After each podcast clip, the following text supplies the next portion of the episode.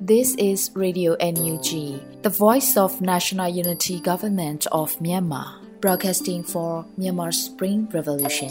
Radio NUG is transmitting from shortwave 16 meter 17.79 MHz at 8:30 a.m. and 25 meter 11.94 MHz at 8:30 p.m. Myanmar Standard Time. မင်္ဂလာပါရှင်။ မြို့သားညီညွတ်ရေးအစိုးရရဲ့အတန်လွန်ဌာန Radio NUG ကိုမနက်ပိုင်း၈နာရီခွဲမှာလိုင်းတူ16မီတာ19.89 MHz ညပိုင်း၈နာရီခွဲမှာလိုင်းတူ25မီတာ17.6 MHz တို့မှာဓာတ်ရိုက်ဖမ်းယူနိုင်စေနိုင်ပါရှင်။မင်္ဂလာအပေါင်းနဲ့ပြည့်စုံကြပါစေ။အခုချိန်ကစပြီး Radio NUG အစီအစဉ်လေးကိုဓာတ်ရိုက်အတန်လွှင့်ပေးနေပါပြီရှင်။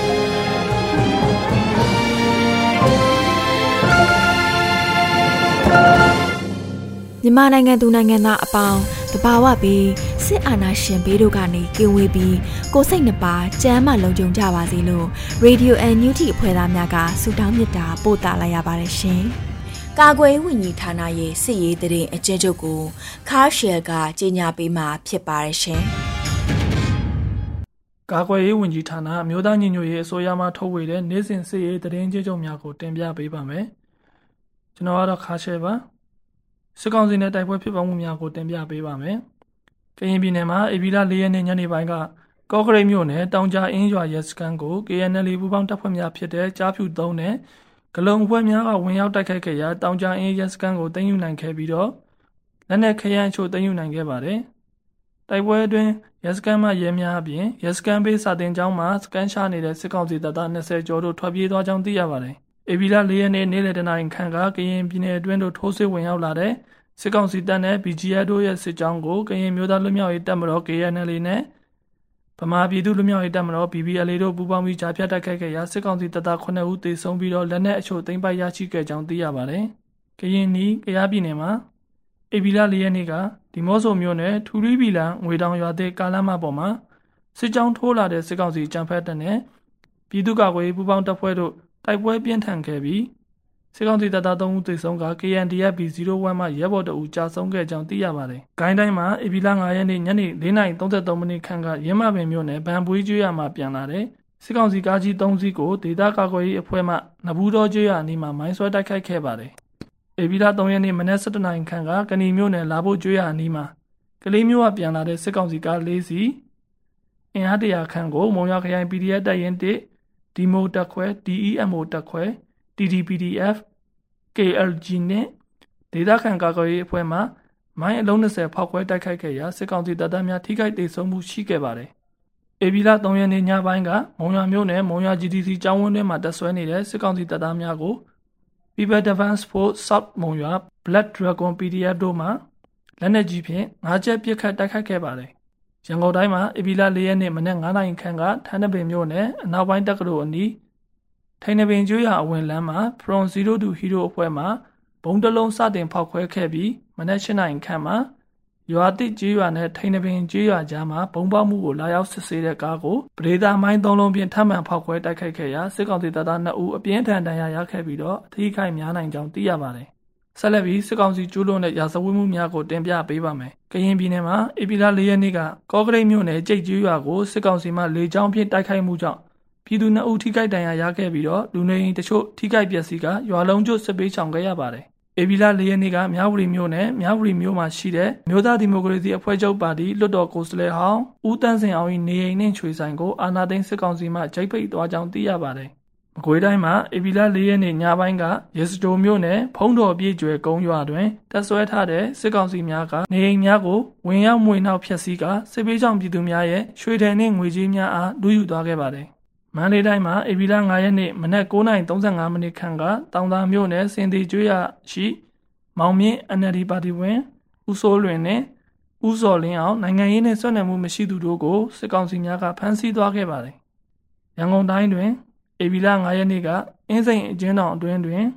ပုံမှန်905ကပုံမှန်ဖြင့်ထောင်ဒဏ်3နှစ်ကြာခံလျက်ရှိတဲ့ရန်ကုန်စီးပွားရေးတက္ကသိုလ်ကျောင်းသားသမဂ္ဂဥက္ကဋ္ဌ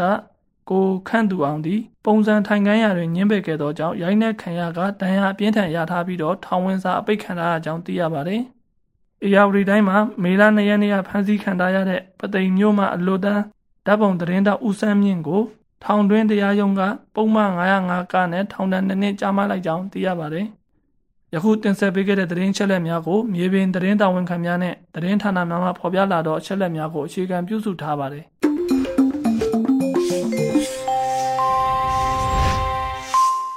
Radio NUG မှာဆက်လက်အသံလွှင့်နေပါတယ်။အခုဆက်လက်ပြီးအမျိုးသားညီညွတ်ရေးအစိုးရကာကွယ်ရေးဝန်ကြီးဦးရီမွန်ပြောကြားသောပြည်သူခုခံတော်လှန်စစ်အစည်းအခမ်းစာကိုတင်ဆက်ပေးမှာဖြစ်ပါရဲ့ရှင်။လေးစားကုန်မြူအပ်တဲ့ပြည်သူကာကွယ်ရေးတပ်မတော်သားများနဲ့ပြည်သူများခင်ဗျာ။အခုဆိုရင်2021ခုနှစ်စက်တင်ဘာ9ရက်ကနေစတင်ဆင်နွှဲခဲ့တဲ့ပြည်သူခုခံတွန်းလှန်စစ်ဟာ 6လလွန်မြောက်ခဲ့ပြီဖြစ်ပါတယ်ဒီချိန်မှာပထမဆုံးဂုံပြူရမယ့်သူကစစ်အာဏာရှင်စနစ်အမြင့်ဖြတ်ရေးပြတ်သားတဲ့တန်ဒိဋ္ဌာန်နဲ့ရွရွချွန်ချွန်တိုက်ပွဲဝင်နေတဲ့ပြည်သူ့ကာကွယ်ရေးတပ်မတော် PDF နဲ့ပြည်သူ့တော်လှန်ရေးရဲဘော်များပဲဖြစ်ပါတယ်ဒုတိယဂုံပြူရမယ့်သူကတော့စစ်အာဏာရှင်စနစ်အောက်ခေါင်းကိုမခံကြမ်းလင်းစင်းမခံကြမ်း PDF ရဲဘော်များနဲ့အတူ ကြံ့ညံ့ခံရက်တည်ပြီးအားပေးထောက်ခံကူညီကြယုံလာမကကိုယ်တိုင်လဲတပိတ်တိုက်ပွဲတွေလူလူတိုက်ပွဲတွေကိုပုံစံမျိုးစုံနဲ့ဆင်နွှဲနေကြတဲ့ပြည်သူလူလူကြီးတရလုံးကိုပဲဖြစ်ပါတယ်ဒီတော်လန်ရေးအတွင်းအသက်ဆုံးခဲ့တဲ့အာဇာနည်တွေခြေလက်အင်္ဂါထိခိုက်ဆုံးရှုံးခဲ့ရတဲ့သူရဲကောင်းတွေအကျန်းဖက်စစ်အုပ်စုရဲ့အာရမဖ မ်းဆီးခံရပြီးအကျဉ်းဆောင်နေတဲ့ရောက်နေရတဲ့ကျွန်တော်တို့ရဲ့ရဲဘော်ရဲဘက်တွေအားလုံးကိုဒီနေရာကနေလေးနဲ့စွာဥညွတ်ဂုံပြုလိုက်ပါတယ်ဒီချိန်မှာကျွန်တော်တို့အားလုံးဟာပြည်သူခုခံတွန်းလှန်စစ်ရဲ့6လတာအတွေ့အကြုံကို ပြန်လည်သုံးသပ်ပြီးအားသာချက်အားနည်းချက်များကိုဖော်ထုတ်ခါရှစ်ဆက်ရမယ်တော်လန်ရေးခရီးအတွက် သင့်လျော်တဲ့အစီအစဉ်တွေချမှတ်သွားကြဖို့ပဲဖြစ်ပါတယ်ပြည်သူများရဲ့တော်လန်ရေးပေါ်ရက်တီထောက်ခံမှုတော်လန်ရေးသမားလူငယ်များရဲ့ဉာဏ်ပညာနဲ့သူရသတ္တိဟာဒီတော်လန်ရေးမှာကိုယ့်ဘက်ကအားသာချက်တွေလို့ဆိုရပါမယ်အချင်းနေရရကြောင့်အချင်းတို့အတွင်းဒုံဆိုင်ဆိုသလိုစုဖွဲ့ပြင်ဆင်ဆောင်ရွက်ခဲ့ကြပေမဲ့ ပြည်သူကာကွယ်ရေးတပ်မတော်သားတွေဟာလက်ယုံကြီးကောနှလုံးကြီးအရာမှာပါအကြမ်းဖက်စစ်အုပ်စုတဲ့အဖက်ဖက်ကသာလွန်တယ်ဆိုတာကိုလွန်ခဲ့တဲ့တော်လန်ရေးကာလဖြတ်သန်းမှုတွေကိုကြည့်ရင်ထင်ထင်ရှားရှားတွေ့နိုင်ပါတယ်ကျွန်တော်တို့အခုဖြတ်သန်းခဲ့တဲ့ပြည်သူခုခံတွန်းလှန်စစ်6လတာကာလကိုတော်လန်ရေးရဲ့ကနဦးအဆင့်လို့မှတ်ယူမယ်ဆိုရင်ဒီအဆင့်မှာ PDF ရဲဘော်တွေဟာ ပျောက်ကြားစစ်လှုပ်ရှားစစ်ကိုထိထိရောက်ရောက်ဖော်ဆောင်နိုင်လာကြရပါတယ်ရန်သူအင်အားကိုနေ့စဉ်နဲ့အမျှထိခိုက်ပြုံးတီးအောင်စွမ်းဆောင်နိုင်ခဲ့ကြပါတယ်အခုဆိုကျွန်တော်တို့ PDF တွေကကြီးလက်ဒေသများစွာကိုစိုးမိုးထိန်းချုပ်ထားနိုင်ခဲ့ပါပြီ PDF စိုးမိုးနယ်မြေတွေကိုအခြေပြုပြီးဂျားကာလပြည်သူအုပ်ချုပ်ရေးအာဏာကိုလည်းစတင်တည်ထောင်နိုင်ခဲ့ပါပြီ နေပြည်တော်ရန်ကုန်မန္တလေးအပါအဝင်တနိုင်ငံလုံးကမြို့ကြီးမြို့ငယ်တွေမှာလည်းမြို့ပြပျောက်ကြားစစ်ကိုထိထိရောက်ရောက်ဆောင်ရွက်နေကြပါပြီခြုံကြည့်ရင်ပြည်သူခုခံတွန်းလှန်စစ်ရဲ့ကနဦးစစ်ဟာကျွန်တော်တို့ရဲ့စီရေးရည်မှန်းချက်များအတိုင်းအတာတစ်ခုအထိပေါက်မြောက်ရောက်ရှိခဲ့တယ်လို့ပြောနိုင်ပါတယ်ဒီအစ်မှာကျွန်တော်တို့ရဲ့အဓိကအားနည်းချက်ကဘာဖြစ်မလဲအားလုံးသိတဲ့အတိုင်း စစ်လက်နဲ့ခရံမီရောက်ဟာ PDF အတွက်အဓိကအားနည်းချက်ဖြစ်ပါတယ်လက်နဲ့တက်ဆင်မပေးရကောင်းလားဆိုပြီးအမျိုးသားညီညွတ်ရေးအစိုးရကိုပြစ်တင်ဝေဖန်ကြတာတွေလည်းနေ့စဉ်နဲ့အမျှတတိပြုမိပါတယ်ဒီလိုစေတနာဒေါသောနဲ့အားမလို့အားမရဖြစ်ကြဝေဖန်ထောက်ပြကြတာကိုလည်းကောင်းကောင်းလက်ခံနားလည်ပါတယ်ကျွန်တော်တို့အနေနဲ့ စစ်လက်နဲ့ခရမ်းပစ္စည်းဝယ်ယူရေးထုတ်လုပ်ရေးအတွက်လိုအပ်တဲ့ဗဏ္ဍာရမုံငွေနောက်ပြီးလိုအပ်တဲ့ပစ္စည်းတွေရဖို့ချိတ်ဆက်ရှာဖွေရတာသေယူဖြန့်ဝေတက်ဆင်ရတာစသဖြင့်ဒီလုပ်ငန်းစဉ်ကြီးတစ်ခုလုံးဟာအခက်ခဲပေါင်းများစွာစိန်ခေါ်ချက်များစွာကိုရင်ဆိုင်ကြုံတွေ့ကြော်ဖြတ်ကြရပါတယ်အခုချိန်ထိကျွန်တော်တို့ဟာပြည်တွင်းပြည်ပကိုပြည်သူတွေက ထောက်ပံ့လှူဒန်းတဲ့ဗန္နာရန်ပုံငွေကိုသာရင်းတည်ပြီးတော့ပဲ ပြည်သူ့ကာကွယ်ရေးတပ်မတော်ကိုတည်ထောင်နေရတာဖြစ်ပါတယ်။ဘယ်ပြည်ပနိုင်ငံကမှရုပ်ဝတ္ထုပစ္စည်းအကူအညီမျိုးပေးအပ်တာမရှိသေးပါဘူး။သို့သော PDF အတွက်လက်နက်ခဲယမ်းမိကြောင့်အ ਨੇ ဆုံးလိုအပ်ချက်ကို မကြခင်မှာဖြည့်ဆည်းနိုင်လိမ့်မယ်လို့တော့သတင်းကောင်းပါကြပါလေဒီချိန်မှာရန်သူဘက်ကကျင့်သုံးလာတဲ့ဘီဟာအပြောင်းလဲအခင်းကျင်းကိုလည်းကျွန်တော်တို့ သတိပြုကြဖို့လိုပါတယ်စစ်မြေပြင်မှာ PDF နဲ့မဟာမိတ်များကြောင့်အဖက်ဖက်ကအထိနားလာတဲ့စစ်ကောင်စီဟာအစွမ်းကုန်အကြမ်းဖက်စစ်ဗျူဟာကိုကျင့်သုံးလာတာတွေ့ရပါမယ်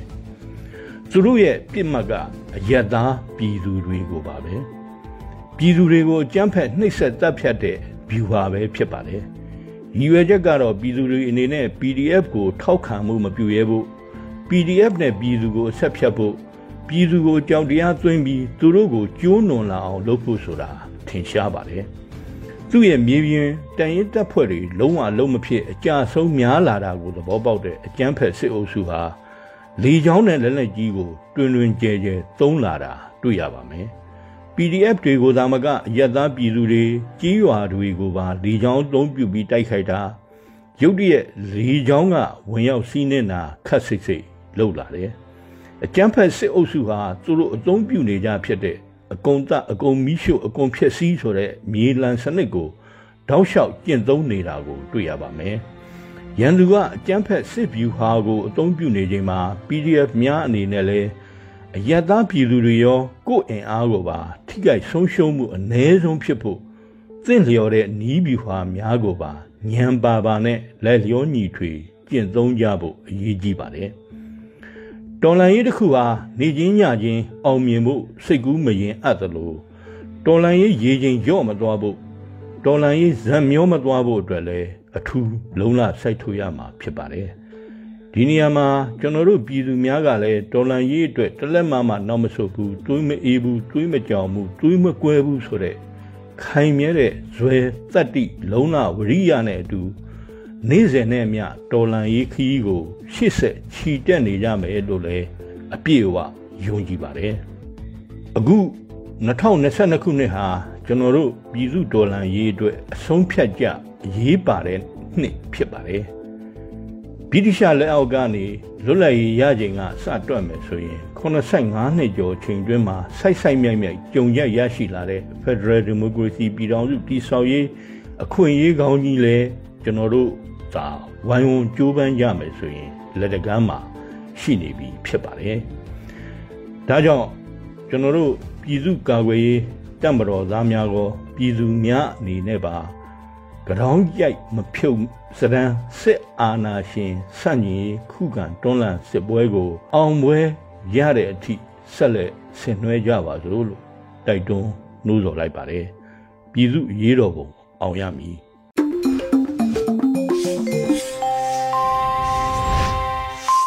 ရေဒီယို NUG မှဆက်လက်အသံလွှင့်နေပါတယ်။အခုဆက်လက်ပြီးနောက်ဆုံးရသတင်းများကိုအေရီမှတင်ဆက်ပေးမှာဖြစ်ပါတယ်ရှင်။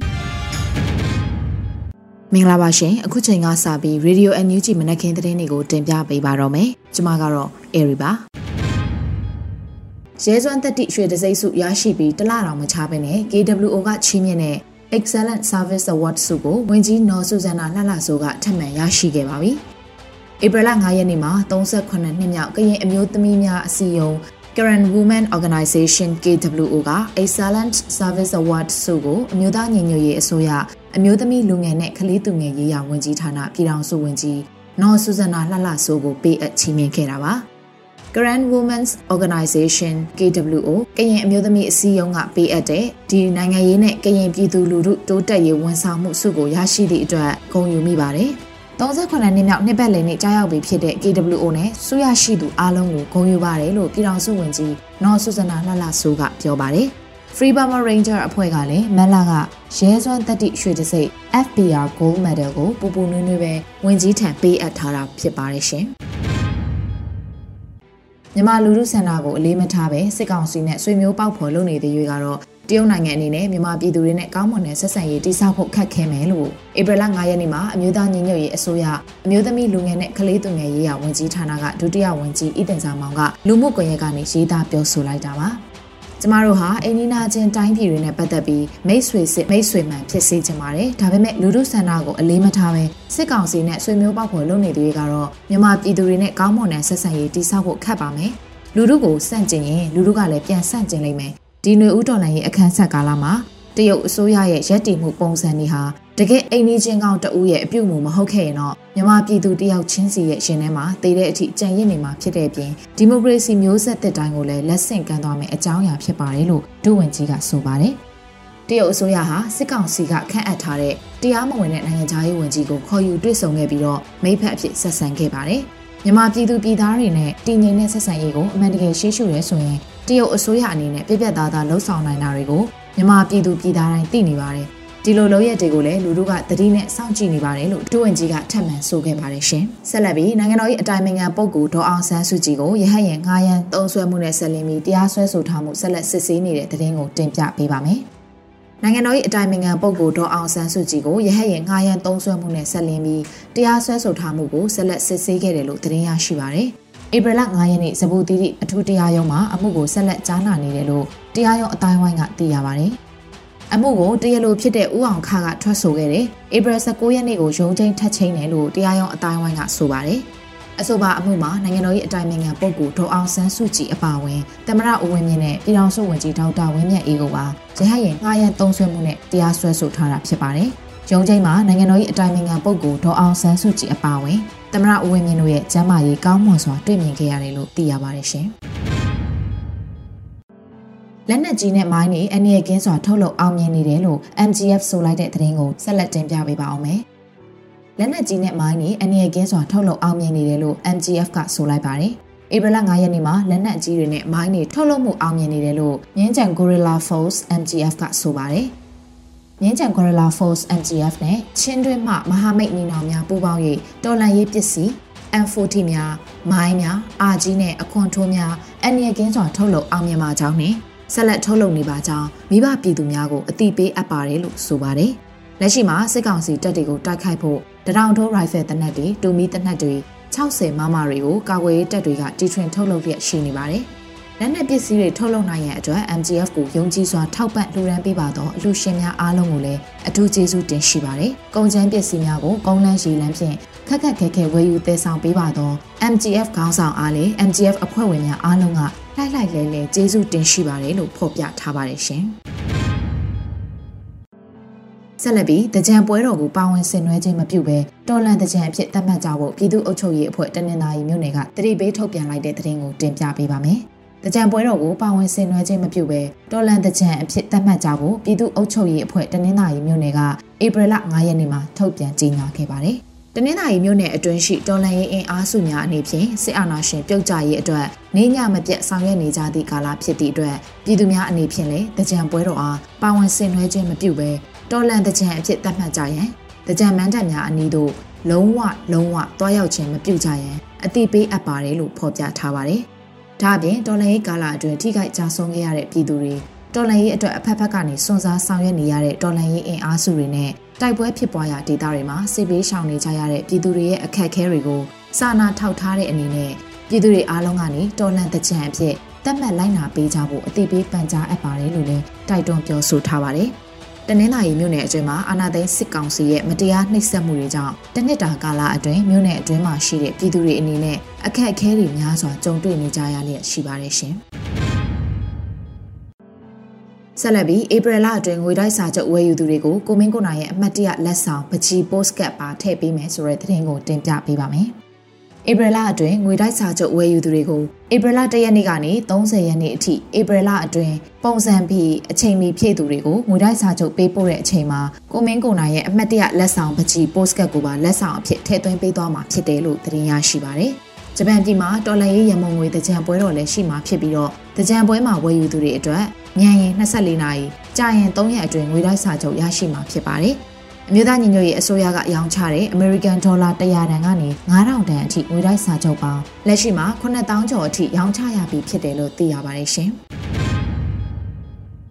ဆက်လက်ပြီးရခိုင်တပ်တော်နဲ့ကျင်းပပြီးသည့်နောက်ပိုင်းမှာသာ NUG နဲ့တွဲဆောင်ရေးဆုံးဖြတ်မယ်လို့ ULAAA ကပြောတဲ့သတင်းကိုတင်ပြပေးပါမယ်။အမျိုးသားညီညွတ်ရေးအစိုးရ NUG ကအလို့သဘောတွဲဆောင်ရန်ကန့်လန့်ထားချက်နဲ့ပတ်သက်ပြီး သတင်းတောက်တအူးရဲ့မေးမြန်းမှုကိုဧပြီလ9ရက်နေ့မှာကျင်းပတဲ့ ULAAA သတင်းစာရှင်းလင်းပွဲမှာပြောရေးဆိုခွင့်ရှိသူခိုင်တုခကတက်တော်နေ့နောက်ပိုင်းမှာသာဆွေးနွေးဆုံးဖြတ်ဖို့ရှိပါတယ်လို့ပြန်လည်ဖြေကြားခဲ့တာပါ။အမျိုးသားညီညွတ်ရေးအစိုးရ NUG ကကျွန်တော်တို့စီကိုစာပို့ထားတာတော့မှန်ပါတယ်အခုကတော့ကျွန်တော်တို့ရခိုင်တက်တော်နေကိစ္စတွေနဲ့အလုံများနေကြတဲ့အတွက်ဒီကိစ္စကိုကျွန်တော်တို့တက်တော်နေနောက်ပိုင်းမှသာလျှင် ULAAA ဗဟိုကော်မတီမှာဆွေးနွေးဆုံးဖြတ်သွားဖို့ရှိပါတယ်လို့သူကပြောဆိုလိုက်တာပါ ရခိုင်တပ်တော်အနေနဲ့ NUG ရဲ့ကမ်းလှမ်းမှုကိုအပြုသဘောနဲ့ကြိုဆိုပြီးတစ်ဖက်မှာလည်းစစ်အာဏာရှင်အမြင့်ပြုတ်ကြရေးအတွက်ကြိုးပမ်းနေကြတဲ့မျိုးဆက်သစ်လူငယ်တွေကိုလည်းချီးကျူးအသိမှတ်ပြုတယ်လို့ပြောဆိုပါတယ်။မကြခင်မှာကြားရောက်လာတော့မဲ့ဧပြီလ10ရက်နေ့မှာ73နှစ်မြောက်ရခိုင်တပ်တော်နေ့ကိုရခိုင်ပြည်နယ်တချို့နဲ့ပြည်ရင်းပြည်ပနေရာတွေမှာစီကားတိုက်မြိုက်စွာကျင်းပသွားမှာဖြစ်တယ်လို့လည်း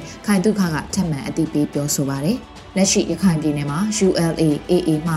အုပ်ချုပ်ရေးနဲ့တရားစီရင်ရေးပိုင်းတို့ကိုလှုံ့ဆော်ရရှိနေပြီးတော့စစ်ကောင်စီဘက်ကနှောက်ယှက်မှုရှိလာရင်စစ်ရေးအရာမလွယ်မသွေရင်ဆိုင်ဖြည့်ရှင်းရမှာဖြစ်ကြောင်းကိုလည်းသတင်းစာရှင်းလင်းပွဲမှာထည့်သွင်းပြောကြားသွားကြမှာရှင်။ဆက်လက်ပြီးကော့ဂရိတ်မြောက်ရီလမ်းပိုင်းကိုအသုံးပြုပြီးစစ်ကောင်စီရဲ့နယ်မြေစိုးမိုးမှုကြိုးပမ်းနေမှုကို KNL ကထိုင်ကြည့်နေမှာမဟုတ်ကြောင်း KNU ကပြောဆိုလိုက်တဲ့သတင်းကိုတင်ပြပေးပါအောင်မယ်။ကော့ဂရိတ်မြောက်ရီအာရှလမ်းမနဲ့မြောက်ရီဝေါ်လီလမ်းပိုင်းမှာ KNL ပူးပေါင်းတပ်ဖွဲ့နဲ့ စစ်ကောင်စီတပ်တို့အကြားထိတွေ့ပစ်ခတ်မှုတွေဖြစ်ပွားခဲ့ပြီးအာရှလမ်းပိုင်းမှာသွာလာနေတဲ့ရှင်တချို့ပစ်ခတ်ခံခဲ့ရတာကြောင့်လူသေဆုံးမှုတွေရှိခဲ့ပါတယ်။အခုလိုထိခိုက်သေဆုံးမှုတွေဖြစ်ပြီးနောက်မှာပြည်သူတွေဟာ KNU ရဲ့တတိပေးထုတ်ပြန်ချက်တွေကိုလိုက်နာပြီးတော်လှန်ရေးကိုပူးပေါင်းပါဝင်တဲ့အကြောင်း KNU မှပြောရေးဆိုခွင့်ရှိသူ Pro Sotoni ကပြောဆိုလိုက်ပါတယ်။ ကျွန်တော်တခုပြောရမှာကတော့စီရေးဆိုင်ရာလှုပ်ဆောင်တဲ့အခါမှာကျွန်တော်တို့အဲ့လိုမွေးမသေးထုံးမကြိုးနဲ့ကျွန်တော်တို့ဘလို့မှအလုပ်လုပ်လို့မရဘူးလေစီရေးနဲ့ပတ်သက်တဲ့လှုပ်ဆောင်မှုတွေကတော့စီရေးနဲ့တူအောင်တန်အောင်တော့လုပ်ရမှာပဲလေအဲ့ဒါကြောင့်မလို့ကျွန်တော်တို့ပြောချင်တာကဒီအချိန်အခါမှာကျွန်တော်တို့နဲ့ပူးပေါင်းပါဝင်မှာတနိုင်သမျှစစ်ကောင်စီနဲ့မဖြတ်နိုင်သေးပေမဲ့ဒီအချိန်ဒီကာလမှာတော့အတက်နိုင်ဆုံးဖြတ်ကြပါမဟုတ်ရင်တော့အဲ့ဒီမှာရောရောနှောနှောပါသွားနိုင်နေဆိုတာဒါကတော့စီရေးအစင်လာလှုပ်ဆောင်တဲ့အခါမှာဒါတွေကမလွယ်မသွေဖြစ်လာမှာပဲလို့ Pro Sotoni ကဆိုပါတယ် ကော့ဂရိတ်မှာစစ်ကောင်စီနဲ့တော်လှန်ရေးတပ်တွေတိုက်ပွဲစတင်ခဲ့တဲ့အချိန်ကစပြီးအဆိုပါကော့ဂရိတ်မြောက်ရီလမ်းကြောင်းကိုအ धिक အားထားပြီးစစ်ကောင်စီဘက်ကလူအင်အားစစ်လက်နက်အင်အားတွေတည်ယူပို့ဆောင်နေခဲ့တာဖြစ်ပါတယ်။အဲ့လိုစစ်ရေးလှုပ်ရှားမှုတွေကိုကြိုတင်ဟန်တားနိုင်မှုအတွက်ပြည်သူလူထုတွေအနေနဲ့သွာလာတာတွေယာယီရဆိုင်ထားဖို့ KNU ဒူပလာယာခရိုင်ကော့ဂရိတ်မြို့နယ်ကပြီးခဲ့တဲ့မလ26ရက်ကကြေညာချက်ထုတ်ပြန်ထားခဲ့ပါတယ်။ စစ်ကောင်စီဟာတပ်အင်အားတွေအားလုံးထုတ်သုံးပြီးနယ်မြေစိုးမိုးရေးကိုရအောင်လှုံ့ဆော်သွားမှာဖြစ်တယ်လို့ဒီလိုလှုံ့ဆော်လာတဲ့အပေါ် KNU အနေနဲ့ဒီတိုင်းထိုင်ကြည့်နေလို့မရပဲလှုပ်ရှားရှိတာဆက်လုပ်သွားမှာလို့ Pro Sotoni ကဆိုပါတယ်။ဒီတက်တွေတိုးလာဖို့ဆိုတာဘယ်လမ်းကနေလာမလဲဒီအာရှလမ်းကပဲဝင်လာမယ်တခြားလမ်းမရှိဘူးလေဆိုတော့ကျွန်တော်တို့အဲ့ဒါပိတ်ထားတယ်ဆိုတာအလဟတ်သက်ရှောက်ပြီးတော့အခြေအမြင့်မရှိရှောက်ပြီးတော့လုံနေတာတော့မဟုတ်ဘူး တကယ်လုံးနေပါတယ်ကျွန်တော်တို့ရင်ဆိုင်နေရတဲ့ရန်သူတွေကဒီလမ်းကိုအသုံးပြုနေတယ်ဆိုတာတကဘာလုံးသိနေတဲ့အပေါ်ကျွန်တော်တို့ကမရှိမဖြစ်လုံနေတဲ့ကိစ္စပဲဖြစ်တယ်အဲ့ဒါကြောင့်မို့လို့ကျွန်တော်တို့ယာယီရဆိုင်ထားတဲ့အခါမှာတော့လူလူအနေနဲ့အဲ့ဒါနားလည်ပေးဖို့ဆိုတာထုတ်ပြန်ချက်ထဲမှာဖော်ပြထားပြီးသားပါပြည်သူလူထုအနေနဲ့ရှောင်စရာရှိတာရှောင်သွားတင်တာသွားအဲ့ဒီအပေါ်မှာတော့တတိဝိရိယနဲ့သွားဖို့လိုတယ်လို့ပရိုဆိုတော်နီကပြောပါတယ်။တပ်မဟာ6နယ်မြေအတွင်းကိုကျူးကျော်နေရယူထားတဲ့စစ်ကောင်စီတပ်တွေပြန်လည်ထွက်ခွာပေးဖို့ KNU KNL ဘက်ကကြိုတင်သတိပေးထားခဲ့ပြီးအာရှလမ်းမနဲ့မြရီဝေါ်လီလမ်းကိုလည်းပြည်သူတွေအနေနဲ့ခရီးသွားလာတာတွေယာယီရဆိုင်ထားဖို့ KNU ကစာထုတ်ပြန်ခဲ့ပေမယ့်လေးကိကောဖလူတေဘောဘူဝေါ်လီစုကလိကော့ဂရိတ်တောင်ကြအင်းကြာအင်းစိတ်ကြီးအစရှိတဲ့နေရာတော်တော်များများမှာစီးရေးပြိပခါတွေပုံမပြင်းထန်လာခဲ့တာဖြစ်ပါတယ်ရှင်။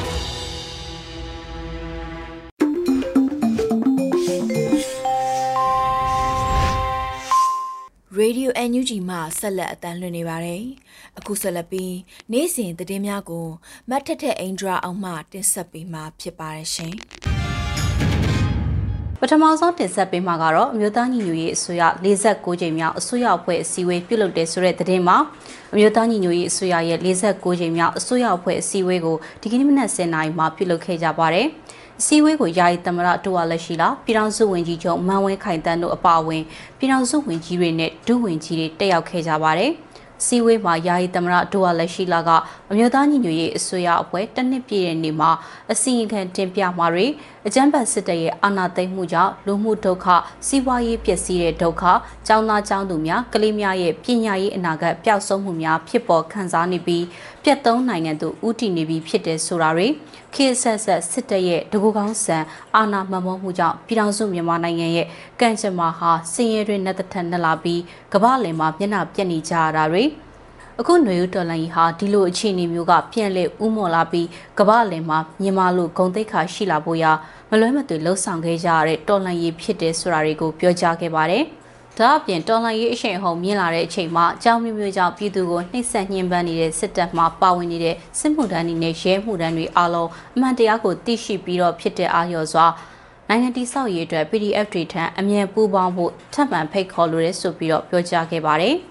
ပြည်ထောင်စုဝန်ကြီးချုပ်မန်းဝင်းခိုင်တန်းကလည်းအမျိုးသားညီညွတ်ရေးအစိုးရအနေနဲ့နေမြေစိုးမိုးထားနိုင်တဲ့ဒေသတွေအတွက်အုပ်ချုပ်ရေးပိုင်းဆိုင်ရာပူးပေါင်းဆောင်ရွက်မှုကိစ္စတွေမှာတဖြည်းဖြည်းနဲ့မြေပြင်နဲ့ပုံမှုအခြေအဆက်တွေရရှိလာပြီးတော့ဝန်ကြီးဌာနအချင်းချင်းပူးပေါင်းဆောင်ရွက်နိုင်မှုတွေတိုးတက်လာတာတွေ့ရလို့အားရကျေနပ်မိတယ်။ တစ်ဖက်ကလည်းအမျိုးသားညီညွတ်ရေးအစိုးရအနေနဲ့တိုင်းသားလက်နက်ကိုင်အဖွဲ့အစည်းတွေနဲ့ကဏ္ဍလိုက်တွေ့ဆုံဆွေးနွေးပြီးတော့အတူပူးပေါင်းဆောင်ရွက်ကြမယ့်ကိစ္စတွေကုညီပံ့ပိုးနိုင်မဲ့ကိစ္စတွေတိုင်ပင်ဆွေးနွေးခြင်းကိုအာရုံစိုက်ပြီးတော့စီမံဆောင်ရွက်နေတယ်။ဒီရက်ပိုင်းမှာပြည်သူရင်ဝင်ခွလုံလာကြသူတက်မတော်သား CDN ရဲ CDN တွေများပြားလာတာကိုလည်းတွေ့ရပါတယ်။ဒီကိစ္စဟာအကြမ်းဖက်စစ်ကောင်စီအတွက်အတော်ပူပန်ကောင်းခဲနေရတဲ့ကိစ္စတစ်ခုဖြစ်တယ်ဆိုတာအားလုံးသိရှိပြီးသားဖြစ်မှာပါ။ ဒါကြောင့်ဒီကိစ္စနဲ့ပတ်သက်ပြီးသတင်းမှားတွေအမျိုးမျိုးနဲ့ခိုလုံလာသူတွေကိုပြည်သူတွေရဲ့စိတ်ထဲမယုံသင်္ကာဖြစ်အောင်ဝါရဖြန့်ချီတာတွေပြုလုပ်နိုင်တယ်ဆိုတာလဲသတိထားမှာဖြစ်ပါတယ်။အကြမ်းဖက်စစ်ကောင်စီအနေနဲ့ပြည်သူရင်ဝင်ခိုလုံလာသူတွေနဲ့ဓမ္မဖတ်တော်သားတွေကြားမှာအမျိုးမျိုးတန်တရားဖြစ်အောင်လုပ်ပြီးတော့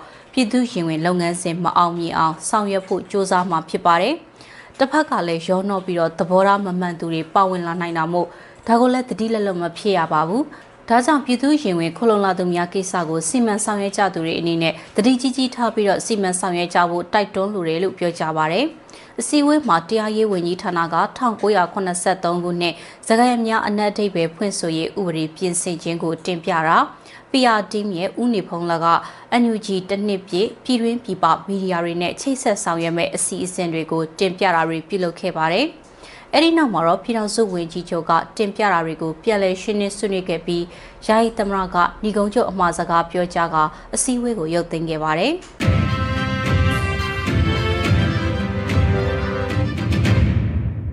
ခုတင်ဆက်ပေးမှာကတော့အမေရိကန်ရဲ့ထောက်ပံ့ငွေကိုအမျိုးသားညီညွတ်ရေးအစိုးရအနေနဲ့တာဝန်ယူမှုတာဝန်ခံမှုရှိရှိသုံးစွဲသွားမယ်လို့လူ့အခွင့်အရေးဝန်ကြီးဌာနပြည်ထောင်စုဝန်ကြီးပြောကြားလိုက်တဲ့သတင်းမှာအမေရိကန်နိုင်ငံရဲ့ထောက်ပံ့ငွေနဲ့ပတ်သက်ပြီးတော့အမျိုးသားညီညွတ်ရေးအစိုးရအနေနဲ့တာဝန်ယူမှုတာဝန်ခံမှုရှိရှိသုံးစွဲသွားမယ်လို့လူ့အခွင့်အရေးဝန်ကြီးဌာနပြည်ထောင်စုဝန်ကြီးဦးအောင်မျိုးမင်းကပြောလိုက်ပါတယ်အမေရိကန်လွှတ်တော်ကအတည်ပြုပြီးသမ္မတဘိုင်ဒန်လက်မှတ်ရေးထိုးထားတဲ့2022ခုနှစ်အမေရိကန်ဘဏ္ဍာရေးအသုံးစရိတ်မှာ NUG ကိုကူညီမဲ့အပိုင်းနဲ့ပတ်သက်လို့ American အစိုးရအဆင့်မြင့်အရာရှိတွေနဲ့တွေ့ဆုံဆွေးနွေးဖို့ NUG ကိုယ်စားလှယ်အဖွဲ့ Washington DC ကိုရောက်ရှိနေစဉ်မှာ VOA ရဲ့မေးမြန်းမှုကိုဖြေကြားခဲ့တာဖြစ်ပါတယ်။ ကာကွယ်ရေးနဲ့ပတ်သက်ပြီးလက်နက်သုံးစွဲမှုအပိုင်းမှာဘလောက်သုံးစွဲသလဲဆိုတာကိုပြောလို့ရပေမဲ့ဘလောက်သုံးစွဲသလဲဆိုတာကတော့စီရေးအရာနဲ့လုံခြုံရေးအရာပြောလို့မရသေးကြောင်းထောက်ပံ့ငွေနဲ့ပတ်သက်ပြီးတာဝန်ယူမှုတာဝန်ခံမှုရှိရှိဆောင်ရွက်ရမှာဖြစ်ပြီးတော့တည်တင်တိထိုက်တာတွေကိုချပြသွားမှာဖြစ်ကြောင်းဝန်ကြီးကပြောပါတယ်။ American အစိုးရရဲ့အသုံးစရိတ်ဘတ်ဂျက်မှာ NUG ကိုထည့်သွင်းဖော်ပြခြင်းအပြင်နိုင်ငံတကာမှာ NUG ရဲ့တရားဝင်မှုရရှိရေးကို American အစိုးရကအတိအမှတ်ပြုတာဖြစ်ပြီး နေဆက်ဒေတာကလူသားချင်းစာနာထောက်ထားမှုအကူအညီတွေလိုအပ်နေသူတွေစီကိုလည်းဓာတ်ရိုက်ရောက်နိုင်အောင်ပံ့ပိုးပေးရရောက်တယ်လို့လည်းဥအောင်မျိုးမင်းကဆက်လက်ပြောကြားထားပါတယ်။ဒီကနေ့ကတော့ဒီညနဲ့ပဲ Radio NUG ရဲ့အစီအစဉ်လေးကိုခਿੱတရနာလိုက်ပါမယ်ရှင်။ မြမစံတော်ချိန်မနက်၈နာရီခွဲနဲ့ည၈နာရီခွဲအချိန်တွေမှာပြန်လည်ဆုံတွေ့ကြပါစို့။ Radio NUG ကိုမနက်ပိုင်း၈နာရီခွဲမှာလိုင်းတူ16မီတာ19.8 MHz ညပိုင်း၈နာရီခွဲမှာလိုင်းတူ25မီတာ17.6 MHz တို့မှာဓာတ်ရိုက်ဖမ်းလို့နိုင်စေနိုင်ပါပြီ။မြန်မာနိုင်ငံသူနိုင်ငံသားတွေကိုစိတ်နှပြကျန်းမာချမ်းသာလို့ဘေးကင်းလုံခြုံကြပါစေလို့ Radio NUG အဖွဲ့သူဖွဲ့သားတွေကဆုတောင်းမြတ်တာပို့တာလိုက်ရ ပါတယ်ရှင်။မြေသားညီမတွေအစိုးရရဲ့စက်သွေးရေးသတင်းအချက်အလက်တွေမျိုးပညာဝန်ကြီးဌာနကထုတ်လွှင့်နေတဲ့ Radio NUG ဖြစ်ပါတယ်။ San Francisco Bay Area အခြေစိုက်မြန်မာမိသားစုတွေနဲ့နိုင်ငံတကာကစေတနာရှင်လို့အားပေးနေတဲ့ Radio NUG ဖြစ်ပါတယ်။အရေးတော်ပုံအောင်ရမည်